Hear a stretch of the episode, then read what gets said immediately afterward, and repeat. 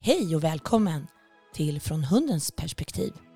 I den här podcasten tänker vi lite annorlunda. Vi tänker Hur tänker hunden? och kommer att analysera situationer och händelser ur hundens perspektiv så att vi ägare kan förstå våra fyrbenta bättre. Jag heter Åsa och har 20 års erfarenhet av hundars beteenden. Reser över hela Sverige och möter olika ekipage och min specialitet är problembeteenden. Och idag ska vi träffa Martin Wallin med sin hund Billy, springspaniel två år som bor i innerstan. Dagens avsnitt kommer att fokuseras kring hundmöten och hur vi får våra hundar att fungera på små ytor. Jag har ju jag har ju en tendens att göra det faktiskt. Ja, jag ganska är inte frekvent. förvånad. Yes, vi kör igång. Hej Martin! Hej! Trevligt att vara här. Trevligt att ha det här. Vi är jättenyfikna vem du är och vem du har. Du har ju en hund såklart i kopplet Ja. och eh, du bor på Södermalm. Ja, eh, nej, men det, är- det är såklart trevligt att bo på Södermalm. Ska man bo i Stockholm tycker jag att det är ett bra ställe. Håller med. Exakt. Eh, och jag har en hund, Billy, som är en engelsk springer spaniel. Eh, Spännande. och vi bor tillsammans med min fru och dotter på Mariaberget. Hur gammal är Billy? Han fyllde två år nu i december. Ja.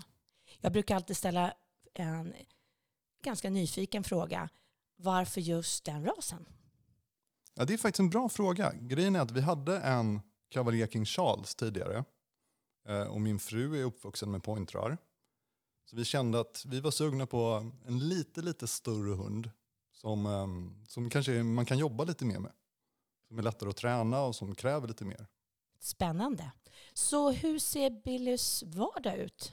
Ja, han går upp tidigt. Är Om han man börjar morgonpigg? där. Han är sjukt morgonpigg. Vi brukar gå upp vid halv sju ungefär. Bara ta en sväng, gå ut och kissa. Ehm, hänger hemma kanske till åtta tiden. Och sen brukar han vara med mig på jobbet. Åh, spännande. Så ni kör rutiner varje dag likadant kan man säga. ja, mer eller mindre. Sen beror det ju lite på hur min dag ser ut.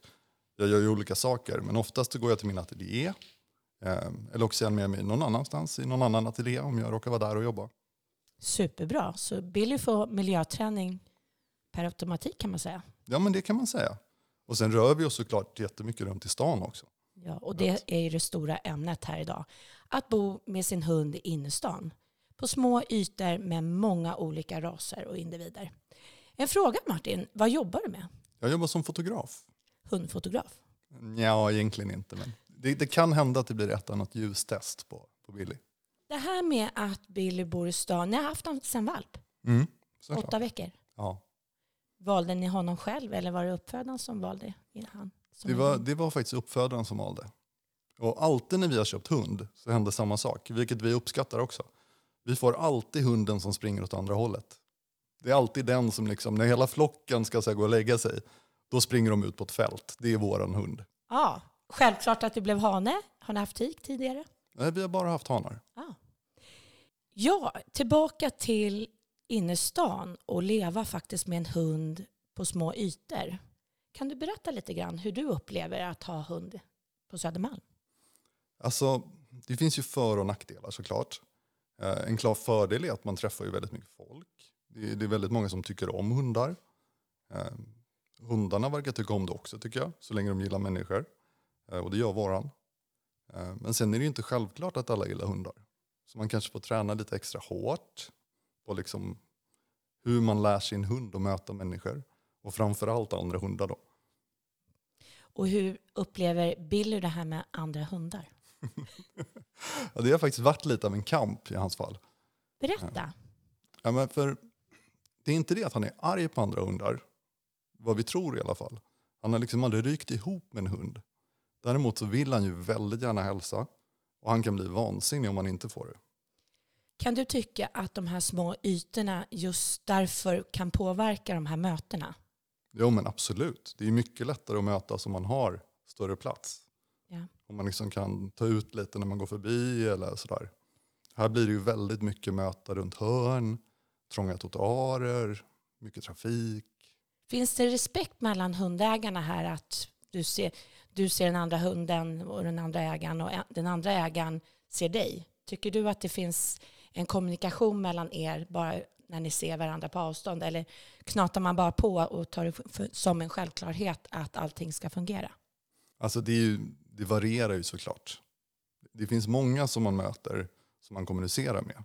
Och det kanske man gör mer aktivt om man har en hund som kan göra utfall eller vara skällig eller allmänt lite stökig. Eller energisk kanske vi ska säga.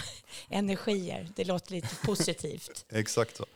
Men, eh, men det händer ju ofta motsatsen också såklart. Ja, Det är väldigt många som bara släpper på, ja. vilket ju inte är toppen.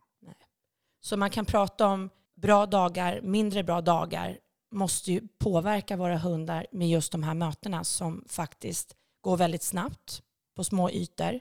Och man kanske inte har den här tiden att stå kvar. Hur löser du det? Alltså, det har varit lite av ett aktivt val för mig. För Det blir problematiskt. Om det, är väl, om det är många hundar som möts och allas instinkt är att de ska stanna kvar, då kommer man ingenstans. Precis, det är just det här. Och det här kan man, det är svårt att sätta sig in i den här situationen, men jag själv bor ju på Södermalm och just det här ser jag väldigt, väldigt ofta. Att vi stannar upp, hundarna ska hälsa och vi på två be- ben måste också ställa oss och förklara oss och berätta lite grann om våra hundar, hur de är och så vidare.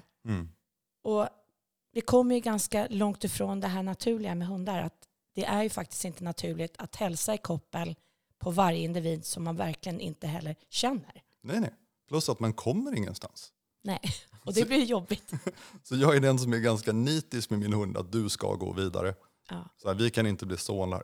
Det är lite som min farsa brukar säga om bilkörning. Det är den mötandes plikt att väja. Ja, Det, det funkar liksom inte så bra att tänka så. jag, kan, jag kan se det framför mig faktiskt. Men eh, förstår alla det här då, tycker du?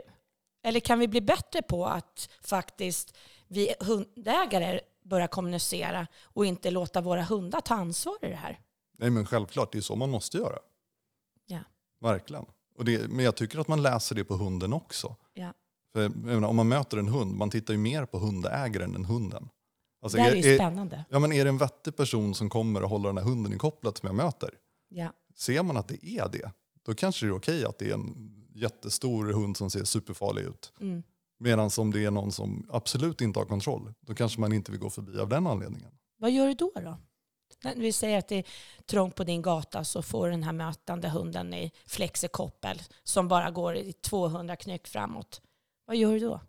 Alltså det finns ju lite olika lägen. Antingen så säger man stopp, det kan funka ibland, alltså till den personen som kommer. Ja. Säger du stopp bara så här verbalt? Stopp. Eller visar du med någon hand? Eller? Jag tänker det här med kroppsspråk. Ja, ja, men det får man ju bara helt enkelt visa den människan då att så här, det där är en dålig idé. Nu får du liksom backa lite. Eller också tar jag Billy och sätter honom, han brukar sitta mellan mina fötter, Ja. för där är han ganska lugn. Och då låter du den andra hunden passera. Ja, exakt. Men Blir det- det några fraser där mellan hundarna eller tittar du bara ut i det blå och låtsas som att det regnar? Alltså jag är ju rimligt social, så jag Ja. brukar faktiskt hälsa på de flesta. Wow! Ändå. Ja. Härligt. Du lägger ribban här på Söder nu. Ja, ja, ja. Så alla som lyssnar på programmet, börja hälsa på Martin Wallin när han kommer med en springer så kommer han komma vidare på varje promenad. Ja, Exakt så. Nej, men jag, jag tycker att det, det är en trevlig sak med att ha hund faktiskt. För att det, är, det är en väldigt social öppnare på något sätt. Alltså man lär sig aldrig känna sina grannar så bra som när man skaffar en hund. Alltså folk som bor i hus runt om. Ja, För att alla vill ju stanna och hälsa på en valp. ja Sen känner du precis. dem, vare sig du vill eller inte. Så tillbaka till Billy här nu då. När han passerar, vi har pratat lite grann hur vi passerar och hur du gör när du kommer tajta möten och så vidare. När börjar du uppleva att Billy hade in- ett stort intresse för andra hundar? Alltså det har han väl alltid haft på något sätt. Även som valp? Ja, verkligen. Och sen, han har haft en problematik som vi tror beror på att han är dålig på att liksom läsa av andra språk eller andra hundar och vad de vill. Och sådär. Han är väldigt stirrig. Vi kan kalla det muckig. Så hade det varit en människa, då hade vi förmodligen fått en eh, förfrågan om någon slagsmål här helt enkelt. Ja, men lite. Han, han liksom stirrar ut andra hundar. Ja, Om de är chilla tillbaka, inga problem, då är det kul, allting är bra. Om de stirrar tillbaka utmanande, då vill han skälla. okej. Så han har en strategi med det här stirrandet, tror ni? Absolut, det tror jag. Och sen, jag, jag har aldrig märkt att han har velat så här, det är inte som att han vill slåss med en annan hund. Nej. Eh, Och även om han blir så stirrig, om de då får hälsa, om det är någon man känner eller så, så blir det jätteglatt och jättepositivt och jättebra. Så han växlar väldigt snabbt däremellan. Ja. Att stirra till att... Det är, Läsa. men det är särskilt på avstånd faktiskt. Det är inte Ja. så mycket när det är nära. Och det här på avstånd har ju många hundar olika strategier på att hantera den mötande hunden. Har Billy några saker som han gör, speciellt när han ser en hund på annat håll? Alltså det beror väl på. Nu, nu har det blivit bättre. Nu, han har blivit bättre på liksom, du vet, gå förbi, sköta sin grej. Sådär. Grymt, han är ju bara två år. Ja, Jag jobbar men på. Det, det tar sig faktiskt. Mm. Eh, tidigare så var ju hans strategi, jag ska dit. Ja. Och den har vi jobbat jättehårt på. Och var det inte så att han ville lägga sig ner också? Jo, absolut. Och det, Och- det kan ju sitta kvar. Ja. Om Hur det är gör någon, ni då, då? Försöker ni få upp honom eller har ni någon verbal signal och bara visa att ni ska gå vidare? Eller får ni med honom där? För det här är ju ett ganska vanligt beteende hos hundar. Ja, ja, verkligen. Alltså grejen är, mi- mitt tålamod är ju rimligt kort också. Eh, Okej, Så du jag- bor på Söder, tycker om att hälsa på alla och kort tålamod. Ja, det här blir ett spännande avsnitt. Vi Ja, ja, vet det här- inte hur det här kommer att sluta. Allt kan hända här, allt är möjligt. Nej men liksom, jag, jag tänker väl någonstans, han, han är två år, det är inte jättemycket. Nej, Eh, och han kan liksom inte etablera det som beteende. nej. Eh, så vi gör det vi kan för att få med honom. Ganska ofta så ställer jag bara honom upp. Om han lägger sig ner då tar jag tag under magen med handen och är så här, nu ska du stå upp, nu ska vi gå. Hjälper det? Ja, Toppen. inte alla gånger, ibland får man streta lite. Och på Söder har vi alla typer av hundar, raser. Har du märkt om det är någon specifik individ, ras, utseende som Billy reagerar på? Ja men absolut. Vi har, vi har särskilt märkt ska jag säga, svarta labradorer har han alltid varit lite extra försiktig med. Ja. Och boxrar. Ja. Och där har vi ju då svarta labradoren är ju svårläst där vi inte har någon mibi- mimik kring ögon och så vidare. Och boxrar har ju plattnos eh, och också rynkor i ansiktet vilket också är i båda fallen s- språksvårigheter helt enkelt som hundarna måste lära sig. Mm. Har det blivit bättre eller kvarstår det? Nej, Alltså jag fick lära honom massa språk. Vi har svenska, engelska, franska, tyska. Det är liksom ingenting sätter sig. Han är väldigt internationell kan man säga. Nej, Eller dyslektiker. Ja, det så kan man också säga. Nej, men eh, ja, det känns som att det går framåt. Ja, Eh, Och sen ska sägas också att, jag vet, jag vet inte om det spelar in, men när han var väldigt liten valp eh, så sprang vi på en labrador på våran gata väldigt ofta som var helt, ja, de hade jättestora problem med den. Den var otroligt aggressiv och de hängde i kopplat och försökte liksom få ner den. och Sådär. Och jag vet inte om det är det som har satt sig. absolut. Det- Det tror jag absolut. Och det här med att unga hundar, i det här fallet var han valp, hur gammal var han? Ja, det var ju från, jag tror första gången var första dagen vi hade honom. Ja. Så komma in i en ny flock på nytt revir och det första man, han, Billy, möter är en hund som har tappat kontrollen. Det är klart det sätter sig. Och det blir ju också befäst för det blir ju situationsbundet, alltså platsrelaterat, där ni faktiskt lever i reviret. Så jag tror absolut på att det har påverkat honom. Verkligen. Och det ska sägas också med det här lägga sig i hundmöten. Absolut mer inom reviret. Ja, Alltså inom närmsta gatorna så är det så här, här måste jag kolla alla hundar jag träffar. Det är lättare om man kommer en bit bort. spännande. Du kartlägger honom. Har ni hundar i er trappuppgång? Ja, det har vi. Fast eh, mindre hundar. Okej. Och det går bättre med mindre än större hundar? Både och? Allt, alltså de känner en ju, så det är ju inga Det är konstigheter. kompisar till honom. Ja, ja. De är så vana vid varandra. Sen hänger han ju med dig på jobbet, så ni hinner ju lära känna varandra hela tiden, tänker jag. Eh, när han kommer till jobbet då, vad tänker du är, är du är fotograf, det är, är väl viktigt det här med passivitet? ja, det kan man säga. Eller sitter han och vill bli plåtad he- hela tiden? Ja, det vill han väl i och för sig gärna. Ja, men det, det går faktiskt också bättre. Han är Ja. ju så otroligt van att vara i min ateljé. Helt grymt. Så han, han har sin plats här och sen, i, ibland får man ju såklart säga till. Ja. Man kan liksom inte leka helt obehindrat Nej. och jobba samtidigt. Och då var ju tillbaka till det här som du nämnde om när vi började programmet, det här med rutiner. Det ger ju också en trygghet oavsett var man är någonstans. Verkligen.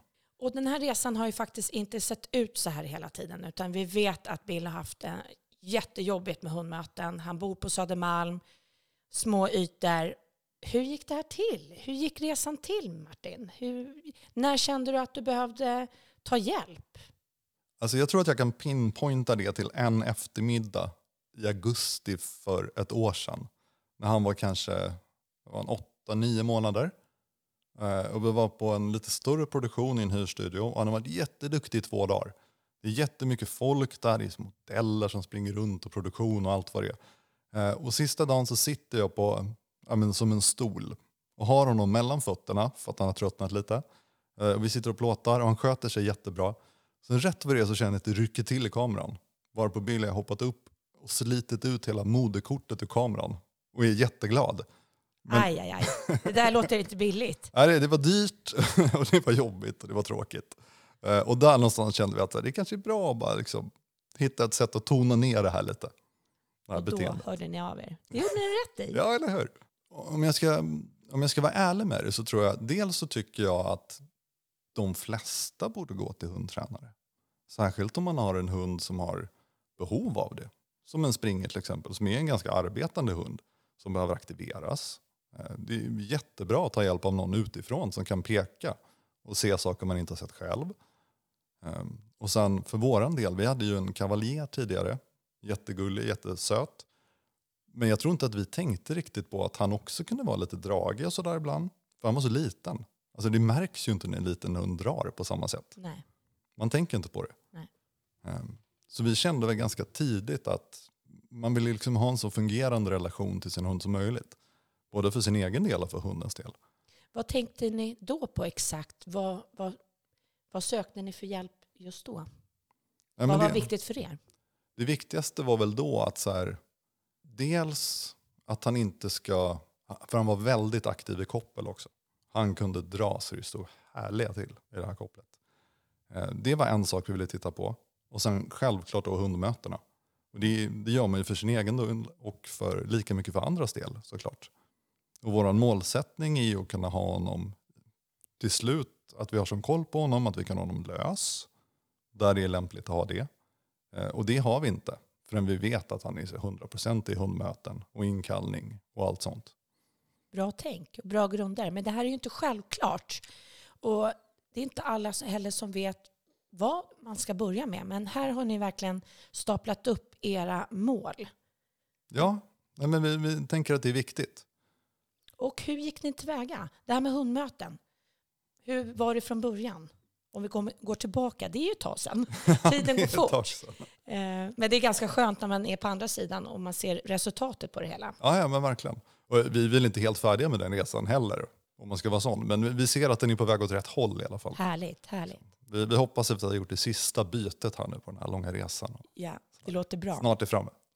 Så vi jobbade med kopplet från början. Exakt. Eh, och där var det ju mycket kontakt. Och han körde ju sitt eget race. Mhm. Ja, ja, Vi var verkligen. mer ett ankare kan man säga där bak. och det gällde bara att hänga med med förlängda armar. Eh, och kontakten. Mm. Och ge er verktyg också hur ni skulle börja läsa honom, vad han egentligen sa i det här kopplet. För det fanns ju en hel del energier Exakt. som du nämnde. Om. Och jag menar, en del av de här sakerna är ju, om, om man inte är hundtränare eller aktivt jobbar med hundar, så kan det nästan upplevas som lite kontraintuitivt ty- kan jag tycka. Ja. Som i, om vi möter en hund idag till exempel. Så tidigare så var ju min, in- jag, jag höll honom väldigt kort för att han inte ska göra några utfall eller liksom han håller på att stirra och sådär. Nu vet jag ju att det är ju ett sätt att nästan engagera honom i det här hundmötet. Ja. Om jag istället ger honom koppel Ja. så då är det mycket mindre chans att Ja. han går ut mot en hund. Så precis tvärtom blev det. Exakt tvärtom. Och idag, hur, nu är han ju två år Billy. Och du nämner att han kanske inte är riktigt klar. Det tror jag inte någon hund är. Nej, Då så, kan vi lägga ner. Men det här med att eh, få egna verktyg då, eh, hur mycket har det betytt för dig och din fru? ja, men jättemycket såklart. Har ni mer förståelse på vad som händer? Ja, men det, det tycker jag nog att vi har faktiskt. Ja. Det, det, det går framåt. Vad f- för verktyg har hjälpt? Nej, men det är egentligen men allt ifrån att man diskuterar igenom, du vet, man hittar en konsekvens i det man gör och det man lär hunden. Den bästa meningen på hela programmet. Konsekvent. Eller hur? Jag menar, det, det är inte alltid självklart heller. Nej. Att så här, hur man läser hunden, hur, hur man liksom, vad ska man säga, exakt hur man går tillväga för att nå fram. Ja. För det, ibland kan det kännas lite kontraintuitivt. Ja. Faktiskt. Och det här är viktiga saker vi pratar om. Och Nu när du sitter här och lutar dig tillbaka i stolen så kan det kännas kanske, ja, självklart. Men det var ju inte det där och då. Nej, nej, absolut inte.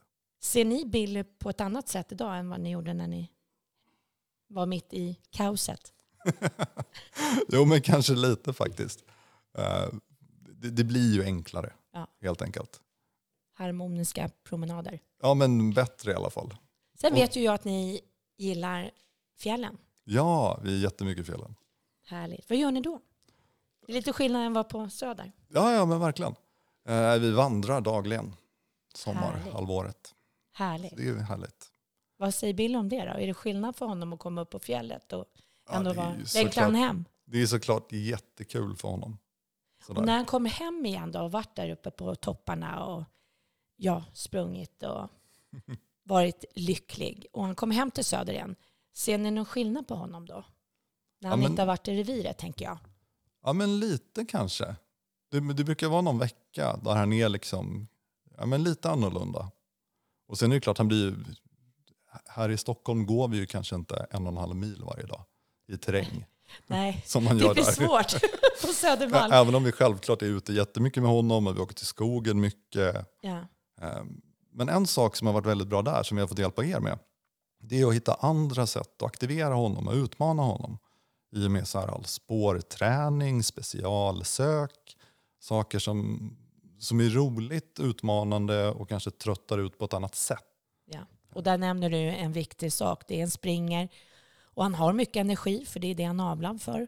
Och då får han ju faktiskt göra det han är bäst på. Använda Ja. nosen.